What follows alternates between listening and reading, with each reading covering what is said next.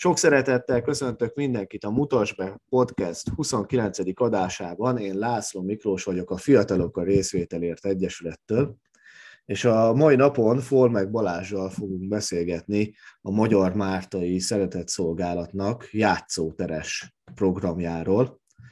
Ma, amikor beszélgetünk, amellett, hogy pont névnapod van, úgyhogy ezúttal is boldog névnapot kívánok. Köszönöm szépen, és üdvözlök én is mindenkit. Van még egy nagyon fontos dátum, hogy 207 éve, hogy elkezdte működését a világ első sajtgyára Svájcban. Te hogy állsz a sajtokhoz? Sajtokat kedvelem, kedvelem a sajtpultokat kevésbé az illatok miatt, meg a szagok miatt, de hogy camembert sajt, brie sajt a két kedvencem, illetve hát trapista sajt, mozzarella, feta, Szóval ezek a, inkább az alapsajtok, amiket én szoktam fogyasztani. A medve sajtot nem bírom megenni, az az egy, meg az ilyen tömlős sajt, azt, azt én nem szeretem. A medve sajtot, az hogy, hogy nem lehet megenni? Hát az, az alap finom. Hát az, az én ízlésemnek egyszer ez nem finom. És van favorit? Number one? Ö, mivel hogy a legutolsó kísérletezésem a brie sajtal volt, ezért, ezért most azt mondanám, de, de évek óta a camembert sajt a kedvencem, és, és, és mindenféle gyártmány jöhet. Ú, én nagyon ráálltam, mikor még voltam, kim voltam Hollandiában a különböző ízesített sajtokra, és a levendulás sajt, az nekem nagyon átjött ez a mai napig. Ha van mhm. lehetőséged, olyat szerezzél be, az csillagos ötös rendezvényeken szoktak sajtosok feltűnni, és ott lehet olyan különböző sajtos tálakat venni, amiben sokfajta sajt van összekockázva, és egy ilyen fopiszkálóval meg tudod enni. Mm. És, és azok is nagyon jók, ilyen zöld fűszeres szokott lenni, csili is, yeah. különböző keménységű, különböző zsírosságú sajtok, és akkor ott nagyon jókat lehet ezekről beszélgetni a sajtárusokkal. És nagyon-nagyon érdekes dolgokat tudnak mesélni ugye az egyszerű ember, én is itt Budapesten nem találkozom sajtkészítéssel egyáltalán, és ez és nem is foglalkozom vele, ugye szakmámból kifolyólag sem, és ez nagyon érdekes tud lenni egy ilyen beszélgetés. Hát de hobbi szinte lehet vele próbálkozni, Pesten is. Persze, Pesten is lehet sört főzni, tehát nem, nem azt mondom, hogy... Csak hely kell hozzá.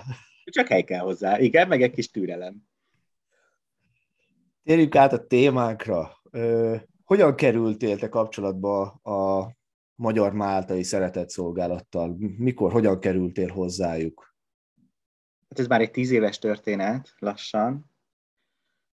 Úgy kerültem hozzájuk, hogy én szociálpedagógusként végeztem a 2000-es években, és el is kezdtem dolgozni, fiatalokkal kezdtem el dolgozni diploma után, és aztán az első munkahelyem ez két és fél év alatt véget ért, és akkor mindenféle ilyen alkalmi munkákat vállaltam. Éppen amikor felhívtak a Máltától, akkor a Hungaroringen építettem mindenféle autóversenyhez ilyen sátrakat, ilyen VIP fogadó sátrakat, meg, meg nem tudom, ilyen-olyan rendezvényekre mentünk pakolni.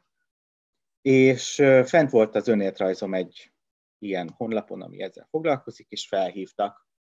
És amikor én kijöttem az egyetemről, akkor két dolgot mondtam, hogy én mivel nem szeretnék foglalkozni, a családsegítőben nem szeretnék dolgozni, és a hajléktalanokkal nem szeretnék foglalkozni. És a Máltától felhívtak, hogy utcai szociális munkál kellene, vagy van egy ilyen állás, lehetőség, hogy szívesen meghallgatnának. És akkor hát nyilván én oda előítéletekkel mentem, hiszen azt mondtam a diploma után, hogy én a hajléktalan emberekkel nem szeretnék foglalkozni. De aztán végül is úgy alakult, hogy 2012-ben volt ez, felvettek, nem is tudom, hogy miért, mert arra emlékszem, hogy az állásinterjúnél papagájokról beszéltem, és, és nem tudom.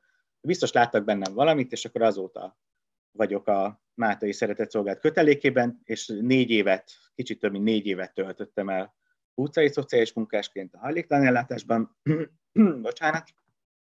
És akkor 2017 óta vezettem a budapesti Máltai játszótereken. Honnan jött ez a játszótérprogram? Ez ugye kicsit messzebbre nyúlik vissza, ha jól találtam meg az infót, 98-ban indult ez Budapesten. Igen, 1998-ban indult el Magyarországon. Ez egy holland példa volt, hogy az akkori két alelnök, illetve bocsánat, most is ők az alelnökök, de hát akkoriban jártak Hollandiában, Pecsei Miklós és Győri Dani Lajos, és ott láttak egy olyan játszóteret, ami egy klasszikus körbekerített játszópark volt, egy konténer volt rajta a területen, és ott volt egy, volt egy, egy hölgy, aki ki és visszaadta ezeket a, a, a játékokat, tehát semmit nem kellett oda vinni a családoknak igazából, hanem csak felöltöztették a gyereket, és le, le, lementek. Tehát a hölgynek az volt a feladata, hogy a játékot ki és visszaadja, vagy visszavegye, és a házi rendet tartassa be. Na ezt gondolták tovább a Miklósék, hogy Magyarországon milyen jó lenne a lakótelepek közepén ilyen játszóterek, hiszen akkoriban is már hiányoztak a közösségi terek a lakótelepekről, de hogy úgy gondolták tovább, hogy tegyünk bele kis szociális munkát is. Tehát lehessen kihez fordulni, azon kívül, hogy ez egy közösségi tér, nagyon-nagyon fontos volt az emberek mentális és szociális gondozása is, ami mai napig is egyébként cél. Szóval 98-ban indult el, igen, és Békás megyeren volt az első, ami azóta is működik. Ides tovább ugye most már 24 éve, ha jól számolom. Igen. Hány darab ilyen játszótér lett azóta Budapesten létrehozva, ahol dolgoztok? Ahol dolgozunk, az hét. Amiről tudok, hogy, hogy működik, az, az nyolc, és, de szerintem kilenc van. Mindjárt is mondom, hogy miért, mert hogy tehát a szeretett szolgálat üzemeltetésében van hét. Mind a harmadik kerületben lakótelepenként van egy.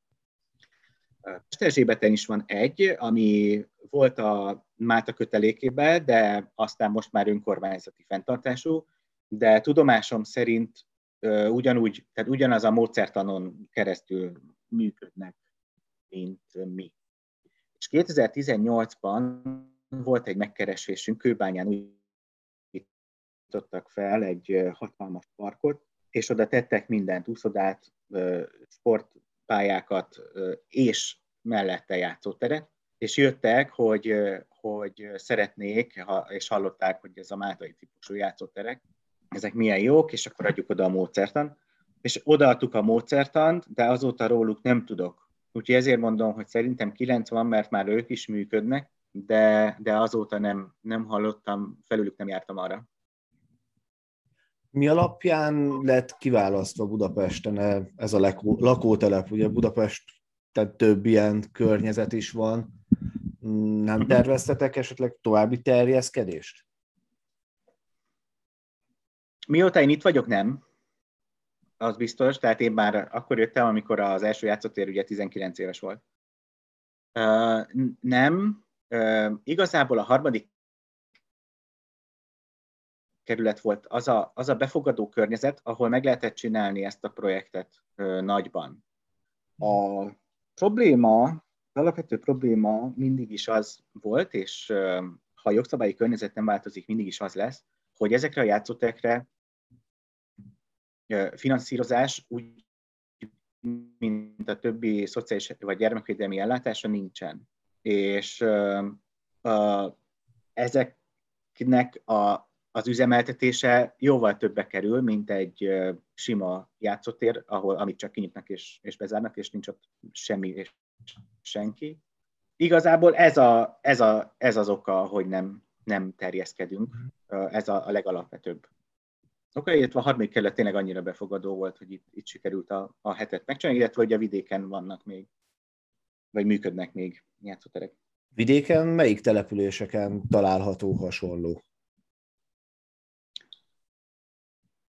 Kezdjük sorban, ahogy a térkép szerint, ha kelet, észak-kelettől megyünk délre, délnyugat felé, akkor Miskolcon van, Debrecenben, Orosházán. Itt mind mindenhol egy-egy van.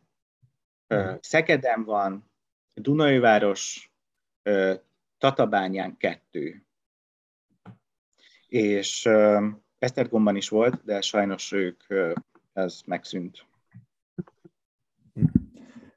Hogyha most mondok egy példát, Pécsre fölmerül erre az igény, akkor van arra kapacitása a Máltai Szeretett Szolgálatnak, hogy, hogy vidéken további ilyeneket nyisson? Mert gondolom ez, tervek. meg gondolom ez kettőnál nyilván a vásár, hogy helyben az önkormányzat részéről is legyen erre nyitás és akarat, részben pedig rajtatok is, hogy, hogy legyen azért ez kapacitás is, meg erőforrás is. Igen, nagyon érdekes. Hozzám is érkeztek megkeresések környező budapesti agglomerációs települések, vagy Budapest környéki településekről, hogy, hogy járnak hozzánk, ismerik, vagy ismernek minket, és mennyire jó lenne, hogyha az ő településükön is lenne egy ilyen. És mindig az a, az a, az a válaszom, hogy nagyságrendileg mondjuk két évvel ezelőttig egy ilyen játszótér egy ilyen, ilyen 250-300 millió forintból épülhet fel a nulláról. Tehát ha, nyilván, ha van egy, egy, egy alap, akkor, akkor jóval kevesebb. De mindig el szoktuk mondani az önkormányzatoknak, akik érdeklődnek, hogy ez, ez milyen üzemeltetési költségekkel jár, nem beszélve a játékok amortizációjáról, ugye játszótéren a kültéri játékokra gondolok, most nem a homokozó játékokra és a kismotorokra, tehát az amortizáció is nagyon-nagyon magas, úgyhogy folyamatos karbantartás kell, tehát az éves karbantartási és üzemeltetési díjától az önkormányzatok meg szoktak rettenni. Így, így még, még nem sikerült senkivel sem együtt működni, ilyen, ilyen szinten, de természetesen a módszertan az rendelkezésre áll, természetesen a humán erőforrás kapacitás tőlünk hogy, hogy elindítsunk ilyen játszótereket, az, az általában rendelkezésre áll, de ez nyilván mind egyéni megbeszélés kérdése. Azt mintha hallottam volna alelnök úrtól, Miklóstól, hogy Pécsen terveztek néhány éve játszóteret felépíteni egy intézményhez kapcsolódóan, mert ott volt, volt terület, és talán még játszótér is volt ott előtte, tehát nem lett volna olyan nagyon nagy beruházás, de sajnos erről aztán nem hallottam, hogy ez, ez megvalósult volna-e. Illetve akkor tájt jött be a, a Covid vírus. Igen, sok mindent visszavetett sajnos nálunk is. Mekkora stábbal dolgoztok egy-egy játszótéren? Hét játszótérünk van, és úgy működünk, hogy játszótérpárok vannak jelen pillanatban. De ugye a hetet nem lehet kettővel elosztani, ezért van egy játszótér, ami, ami önállóan működik, neki nincsen párja, ott ketten dolgoznak. A játszótér párokba pedig három ember visz kettő játszóteret forgásban. És jellemzően ez úgy van, hogy egymás melletti lakótelepek, szomszédok ezek a, a játszóterek, és azt szeretnénk elérni, hogy a családok mozduljanak ki az adott lakótelepről, ha csak a másik lakótelepig, már az is jó. Nagyon sok esetben tapasztaljuk, hogy mondjuk egy-egy gyereknek nincsen diákigazolványa, mert azt mondja a szülő, hogy nincsen rá szükség, mert ott van az iskola, ahol lakik, nagyjából két percre, Uh-huh. Anyuka, apuka ott dolgozik a lakótelepen, tehát oda is el tud sétálni a, a gyerek, és ugye hát a bevásárlás is, meg mondjuk még a nagymama is, meg a nagypapa is ott van. Tehát ebben a háromszögben, négyszögbe élik az életüket. Oda elkanyarodtunk, bocsánat.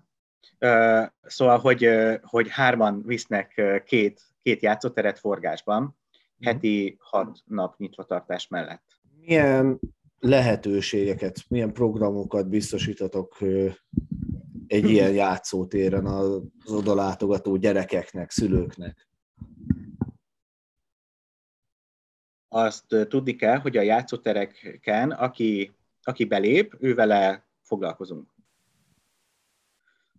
Nem csak gyerekekkel foglalkozunk, hanem a gyerekek szüleivel, a gyerekek nagyszüleivel, esetlegesen a babysitterrel is szoktak érkezni gyerekek, tehát akár, akár velük is.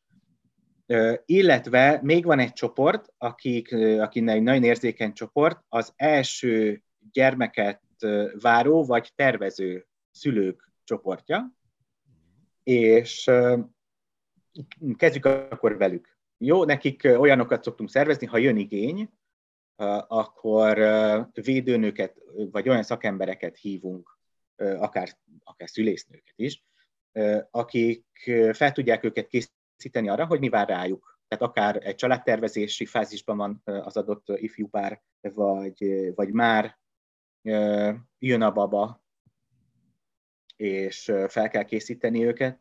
Szóval ilyen csoportokat szoktunk, szoktunk szervezni, volt már. A gyerekeknek, a gyerekekkel kapcsolatban kettős célunk van. Az egyik a játékon és sporton által keresztüli nevelés, fejlesztés. Tehát ez azt jelenti, hogy olyan játékok vannak nálunk, ami ami, ami, ami fejlesztő, olyan társasokat vásárolunk, ami egy kicsit eltávolodik a monopoli szintű játékoktól, amikor dobni kell, lépünk, és megmondjuk, megmondja a játék, hogy mit tegyünk. Tehát olyan társasokat vásárolunk, ami például kommunikációfejlesztő, ami együttműködés fejlesztő, ami, ami, amiben olyanok a szabályok, hogy csapatmunkát igényel, vagy, vagy finom motorikát fejlesz, például olyan társasunk is van. Szóval inkább erre, erre fókuszálunk. A összes programnál, amit szervezünk, csinálunk, fontos, fontos az, hogy, hogy legyen benne valami ilyesmi. Illetve legyen benne olyan valamilyen közösségfejlesztés, közösségszervezői munka, amitől jobban megismerik egymást, számíthatnak egymással, nyilván egymás mellett vagy ugyanazon a lakótelepen két utcányira. Tehát amikor nincsenek játszóterek, vagy zárva vannak, vagy, vagy bármi van, ünnep van, és segítségre van szükségük, akkor lehessen kihez nyúlni. Tehát ez a kettős cél, ami, ami a gyerekekkel kapcsolatban fontos, és az ő szüleikkel kapcsolatban is. Ez a, ez a kettő, a szülőkkel inkább ugye a közösségszervezés, ami a, a, a munkánkat kiteszi. Tehát olyan önszerveződő kis csoportokat szeretnénk létrehozni, ami a, tényleg a játszótéren kívül is működik. Mm. És uh, uh, így a 24 év alatt már nagyon-nagyon nagyon sok ilyen van. És az a legszebb, és az a legjobb, amikor, amikor visszajönnek, könnyes szemű apukák a, a három-négy éves gyerekével, hogy látod kisfiam, én itt nőttem fel, itt, itt, itt játszottam, nem tudom, ezen a kerítés részen csimpaszkodtunk, és még mindig ott van a kezebnyoma, vagy nem tudom, az a, az a görbület a, a nem tudom, valami fémalkatrészen, amit még mi csináltunk alapáccsal, és mi rosszalkodtunk itt, látod kisfiam? rengeteg, rengeteg ilyen van, és tényleg az a, ez a, azt gondolom, hogy a munkánknak a, a beérése, mint a gyümölcsöknél. Tehát így lesz, így lesz az egész játszótér program piros, ugye a zöldből, amikor, amikor visszatérnek szülők, hogy tessék. Meg, én is meg szeretném neked mutatni, hogy, hogy nekem milyen volt a gyerekkorom. Igen, 24 év az már bőven elég ehhez ott, hogy Hát igen, ki felnőtt egy generáció. eredmények legyenek, és generációkon átívelő legyen ez a... Sőt, sőt, sőt, olyan is volt, hogy, hogy akkor nyitott a, a legelső játszótér, amikor született egy, egy gyermek, aki ott nőtt fel, és aztán a kollégánk lett. És ő, ő azt mondta, hogy én itt akarok dolgozni, kész. Utánpótlás nevelésre is. Utánpótlás nevelés. Abszolút, ez a 24 év, ez mindenre alkalmas. Úgyhogy lehetőségből nagyon sok, sok minden van folyamatosan. Monitorozzuk a családokat, hogy mit szeretnének, mik az igények. Érdekes, de nem nagyon tartozik a, a, a témához, amikor bejött a, a csok például. Akkor az óbudai játszóterek egy az egybe kiürültek, illetve cserélődtek. Mert hogy a lehetőséggel élve a családjaink nagy része kiköltözött valahova az agglomerációba, és pillanatok alatt eltűntek a, a, a régi családok. És ugye nagyon fontos az, hogy folyamatosan igényfelmérünk, mit szeretnének a családok, gyerekek, mire van szükség, mert ha egy ilyen történik, akkor teljesen át kell alakítani az egész játszótér struktúráját, akár programokat, akár a, a, a, a, a hozzáállást, vagy nem tudom, akár a nyitvatartást, hogyha ilyen nagyon messzire akarok menni. Milyen módszerrel csináljátok ezt a folyamatos igényfelmérést? Általában szájhagyomány. Így ez a... Klasszikus. A, a munkánknak a jelentős része nem is a, nem is a programokon való részvétel, illetve annak szervezése teszi ki, hanem a jelenlét. A, én mindig azt kérem a kollégáimtól, hogy minél többet legyenek kint a, a családok között, mert, mert az ad egyfajta biztonságot, az akár fizikálisan, akár mentálisan, hogy, hogy van, van, akihez oda lehet menni, aki, hát idézőjelben a házigazda, uh-huh. akitől lehet kérdezni, aki, aki segít, bármilyen kérdésem van. És lehet vele bármilyen témáról beszélni. Nálunk nincs tabu, de tényleg bármi, amit, amit szeretne megosztani velünk, azt megoszthatja, illetve hát nyilván legjobb tudásunk szerint segítünk, illetve válaszolunk. És ezekben a, a jelenlétben órákban tudjuk ezeket a beszélgetések sorai között elbújtatva kérdezni, hogy, hogy vajon mire van szükség. És hogyha igen, így is alakult ki a egyik Békás megyeri játszótéren egy apuka klub például. Egy, ez egy szülőklub. Nyitvatartás után lejönnek játszótérre, társasozás, beszélgetés, foci meccsnézés, és, és, és hasonló. És mi ennek teret adunk. És cserébe mindenben segítenek. Helyi közösségek azok hogyan szokták fogadni a ti munkátokat? Nyilván most, aki először kerül oda egy ilyen játszótérre, sok szülő azért szkeptikus azzal, hogy itt van valaki, aki neki akar valami ilyen segítséget, vagy, vagy bármilyen programot nyújtani, pláne ugye egy ilyen téren, ami elsősorban úgy van meg a fejekben, hogy ott gyerekek el vannak és eljátszanak. Igen. Érdekes, mert nem, nem támadunk le senkit. Nálunk az, az is ér, hogyha ha a szülő bejön a gyerekkel, fél órát játszik és elmegy, és nem szól senkihez. Tehát egy klasszikus játszótérként is üzemel ez, a, ez az egész. Nyilván mi köszönünk mindenkinek, mm, amihez az első látogatáskor nem nagyon szoknak hozzá, a, vagy, vagy értetlenül néznek a, a, a legelső köszönéskor. Itt van egy máltás egyenruhás fickó, mit keres itt,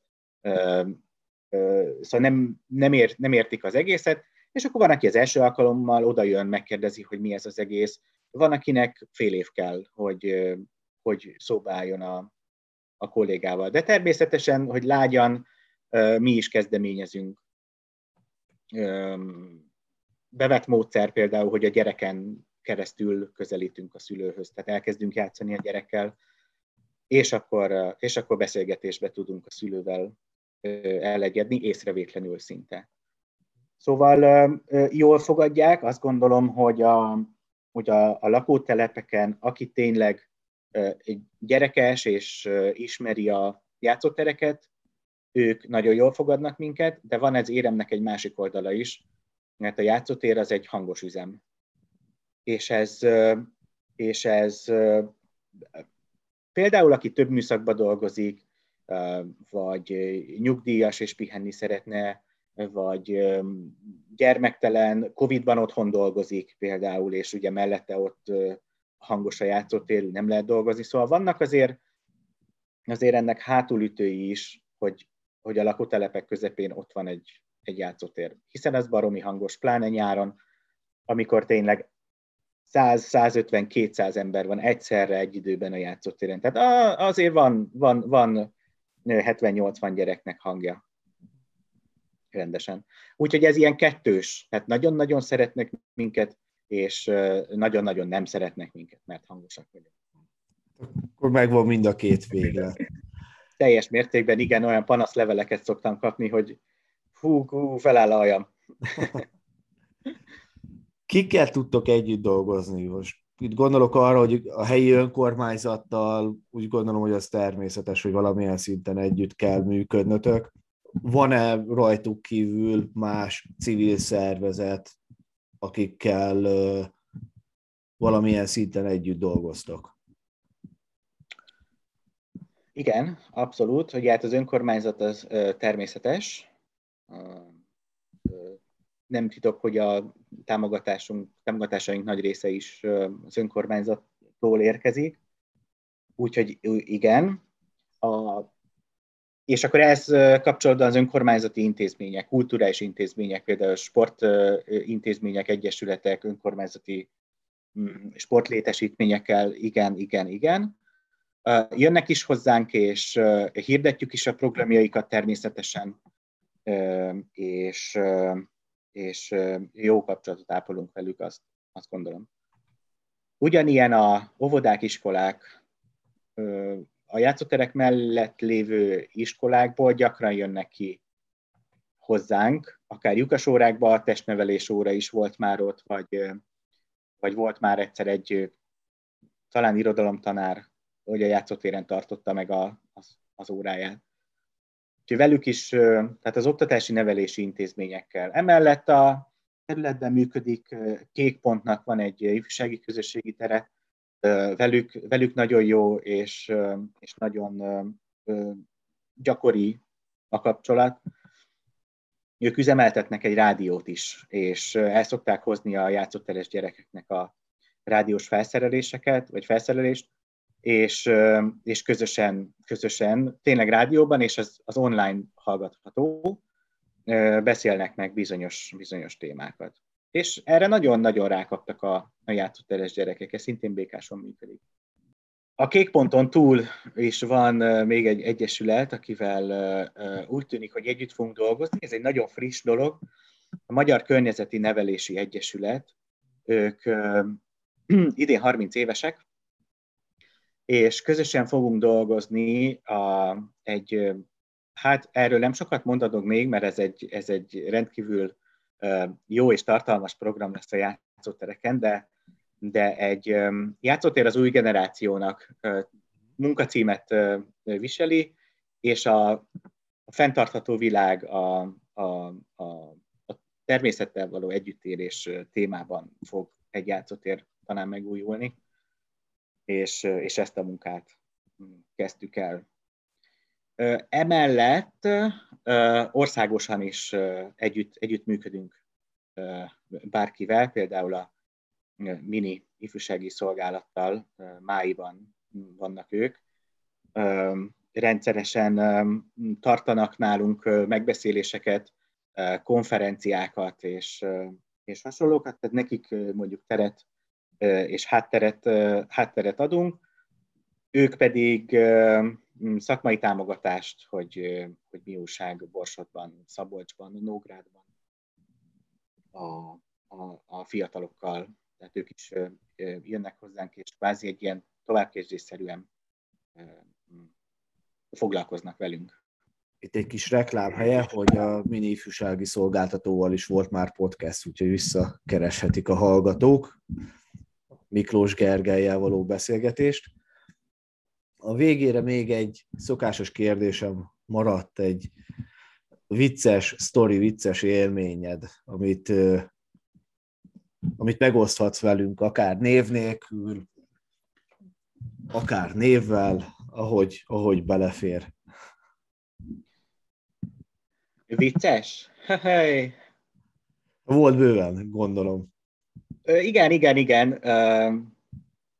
Újságírók kérdeznek, akkor általában ilyen sírós, meghatós történeteket kell mondanom, és abból, abból bő, bőségesen van nyilván, de a játszótereken úgy szokott lenni az árás, hogy 15 perccel a tényleges kapuzárás előtt egy csengőt csengetünk végig a, a játszótéren, és ebből tudják a szülők is a gyerekek, hogy 15 percük van, tehát a mosdóügyeket tessék elintézni, összepakolni, lenyelni az utolsó szendvicsfalat. és, és a csengőnél, amikor a kolléga megcsengeti, akkor szinte az összes gyerek jön, és sorba állnak, hogy ők is, ők is hadd, had csengessenek. És ez, ez, ez nyáron szokott ilyen nagyon viccessé fajulni, amikor 3 4 hétkor elkezdenek csengetni, és még 4 8 kor is csengetnek a gyerekek, és akkor ezzel nagyon, nagyon-nagyon szoktunk örömködni. A másik sztori az egy, az egy kolléga volt, egy megváltozott munkaképességű kolléga, még mindig nálunk dolgozik, nagyon, nagyon, nagyon kedveljük, és a családok is kedvelik, egy értelmi fogyatékos lány. Az a játszótér, ahol őt nagyon ismerik, és ő dolgozik, az éppen aznap valamiért be volt zárva. Vagy karban tartottunk, vagy játékcsere volt, vagy, vagy, vagy valami, és egy másik játszótérre kellett át, átmennie, ahol egyáltalán nem ismerték őt.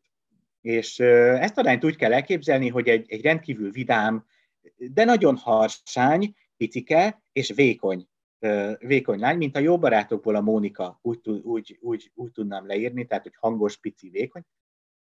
Na és ő elkérte a csengőt az előbb említett záráskor, és csengetett, és szaladt körbe a játszótéren, és azt ordibálta, hogy most már menjen, most már mindenki haza, most már menjen mindenki haza, és, és, a, és a családok teljesen meg voltak rettenve, hogy, hogy, hogy, hogy küldjük el őket, vagy hogy hívjuk fel a figyelmet az állásra. És nagyon-nagyon-nagyon nemetünk, és ez mai napig egy nagy, nagyon nagy sztori a játszótereken. Hát ez ilyen egyedi zárás. Így teljes, teljes mértékben. Na, aznap nem jöttek a gyerekek sorba állni, hogy szeretnének csengetni. De ebből akár ilyen szállóige is lett, nem? Igen, igen, igen, azóta mondjuk a kollégákkal, igen. Hát Balázs, nagyon szépen köszönöm, hogy itt voltál velünk. A hallgatóknak is, hogy meghallgattak minket, a leírásba találtok majd linket a játszóterek programhoz, ahol olvashattok még róla, illetve amin keresztül a Máltai Szeretett Szolgálattal is fölvettétek a kapcsolatot, hogyha kérdésetek van, vagy szeretnétek akár a saját településeteken elindítani valami hasonló jellegű dolgot. Köszönöm, hogy itt voltál. Sziasztok. Köszönöm a lehetőséget. Sziasztok!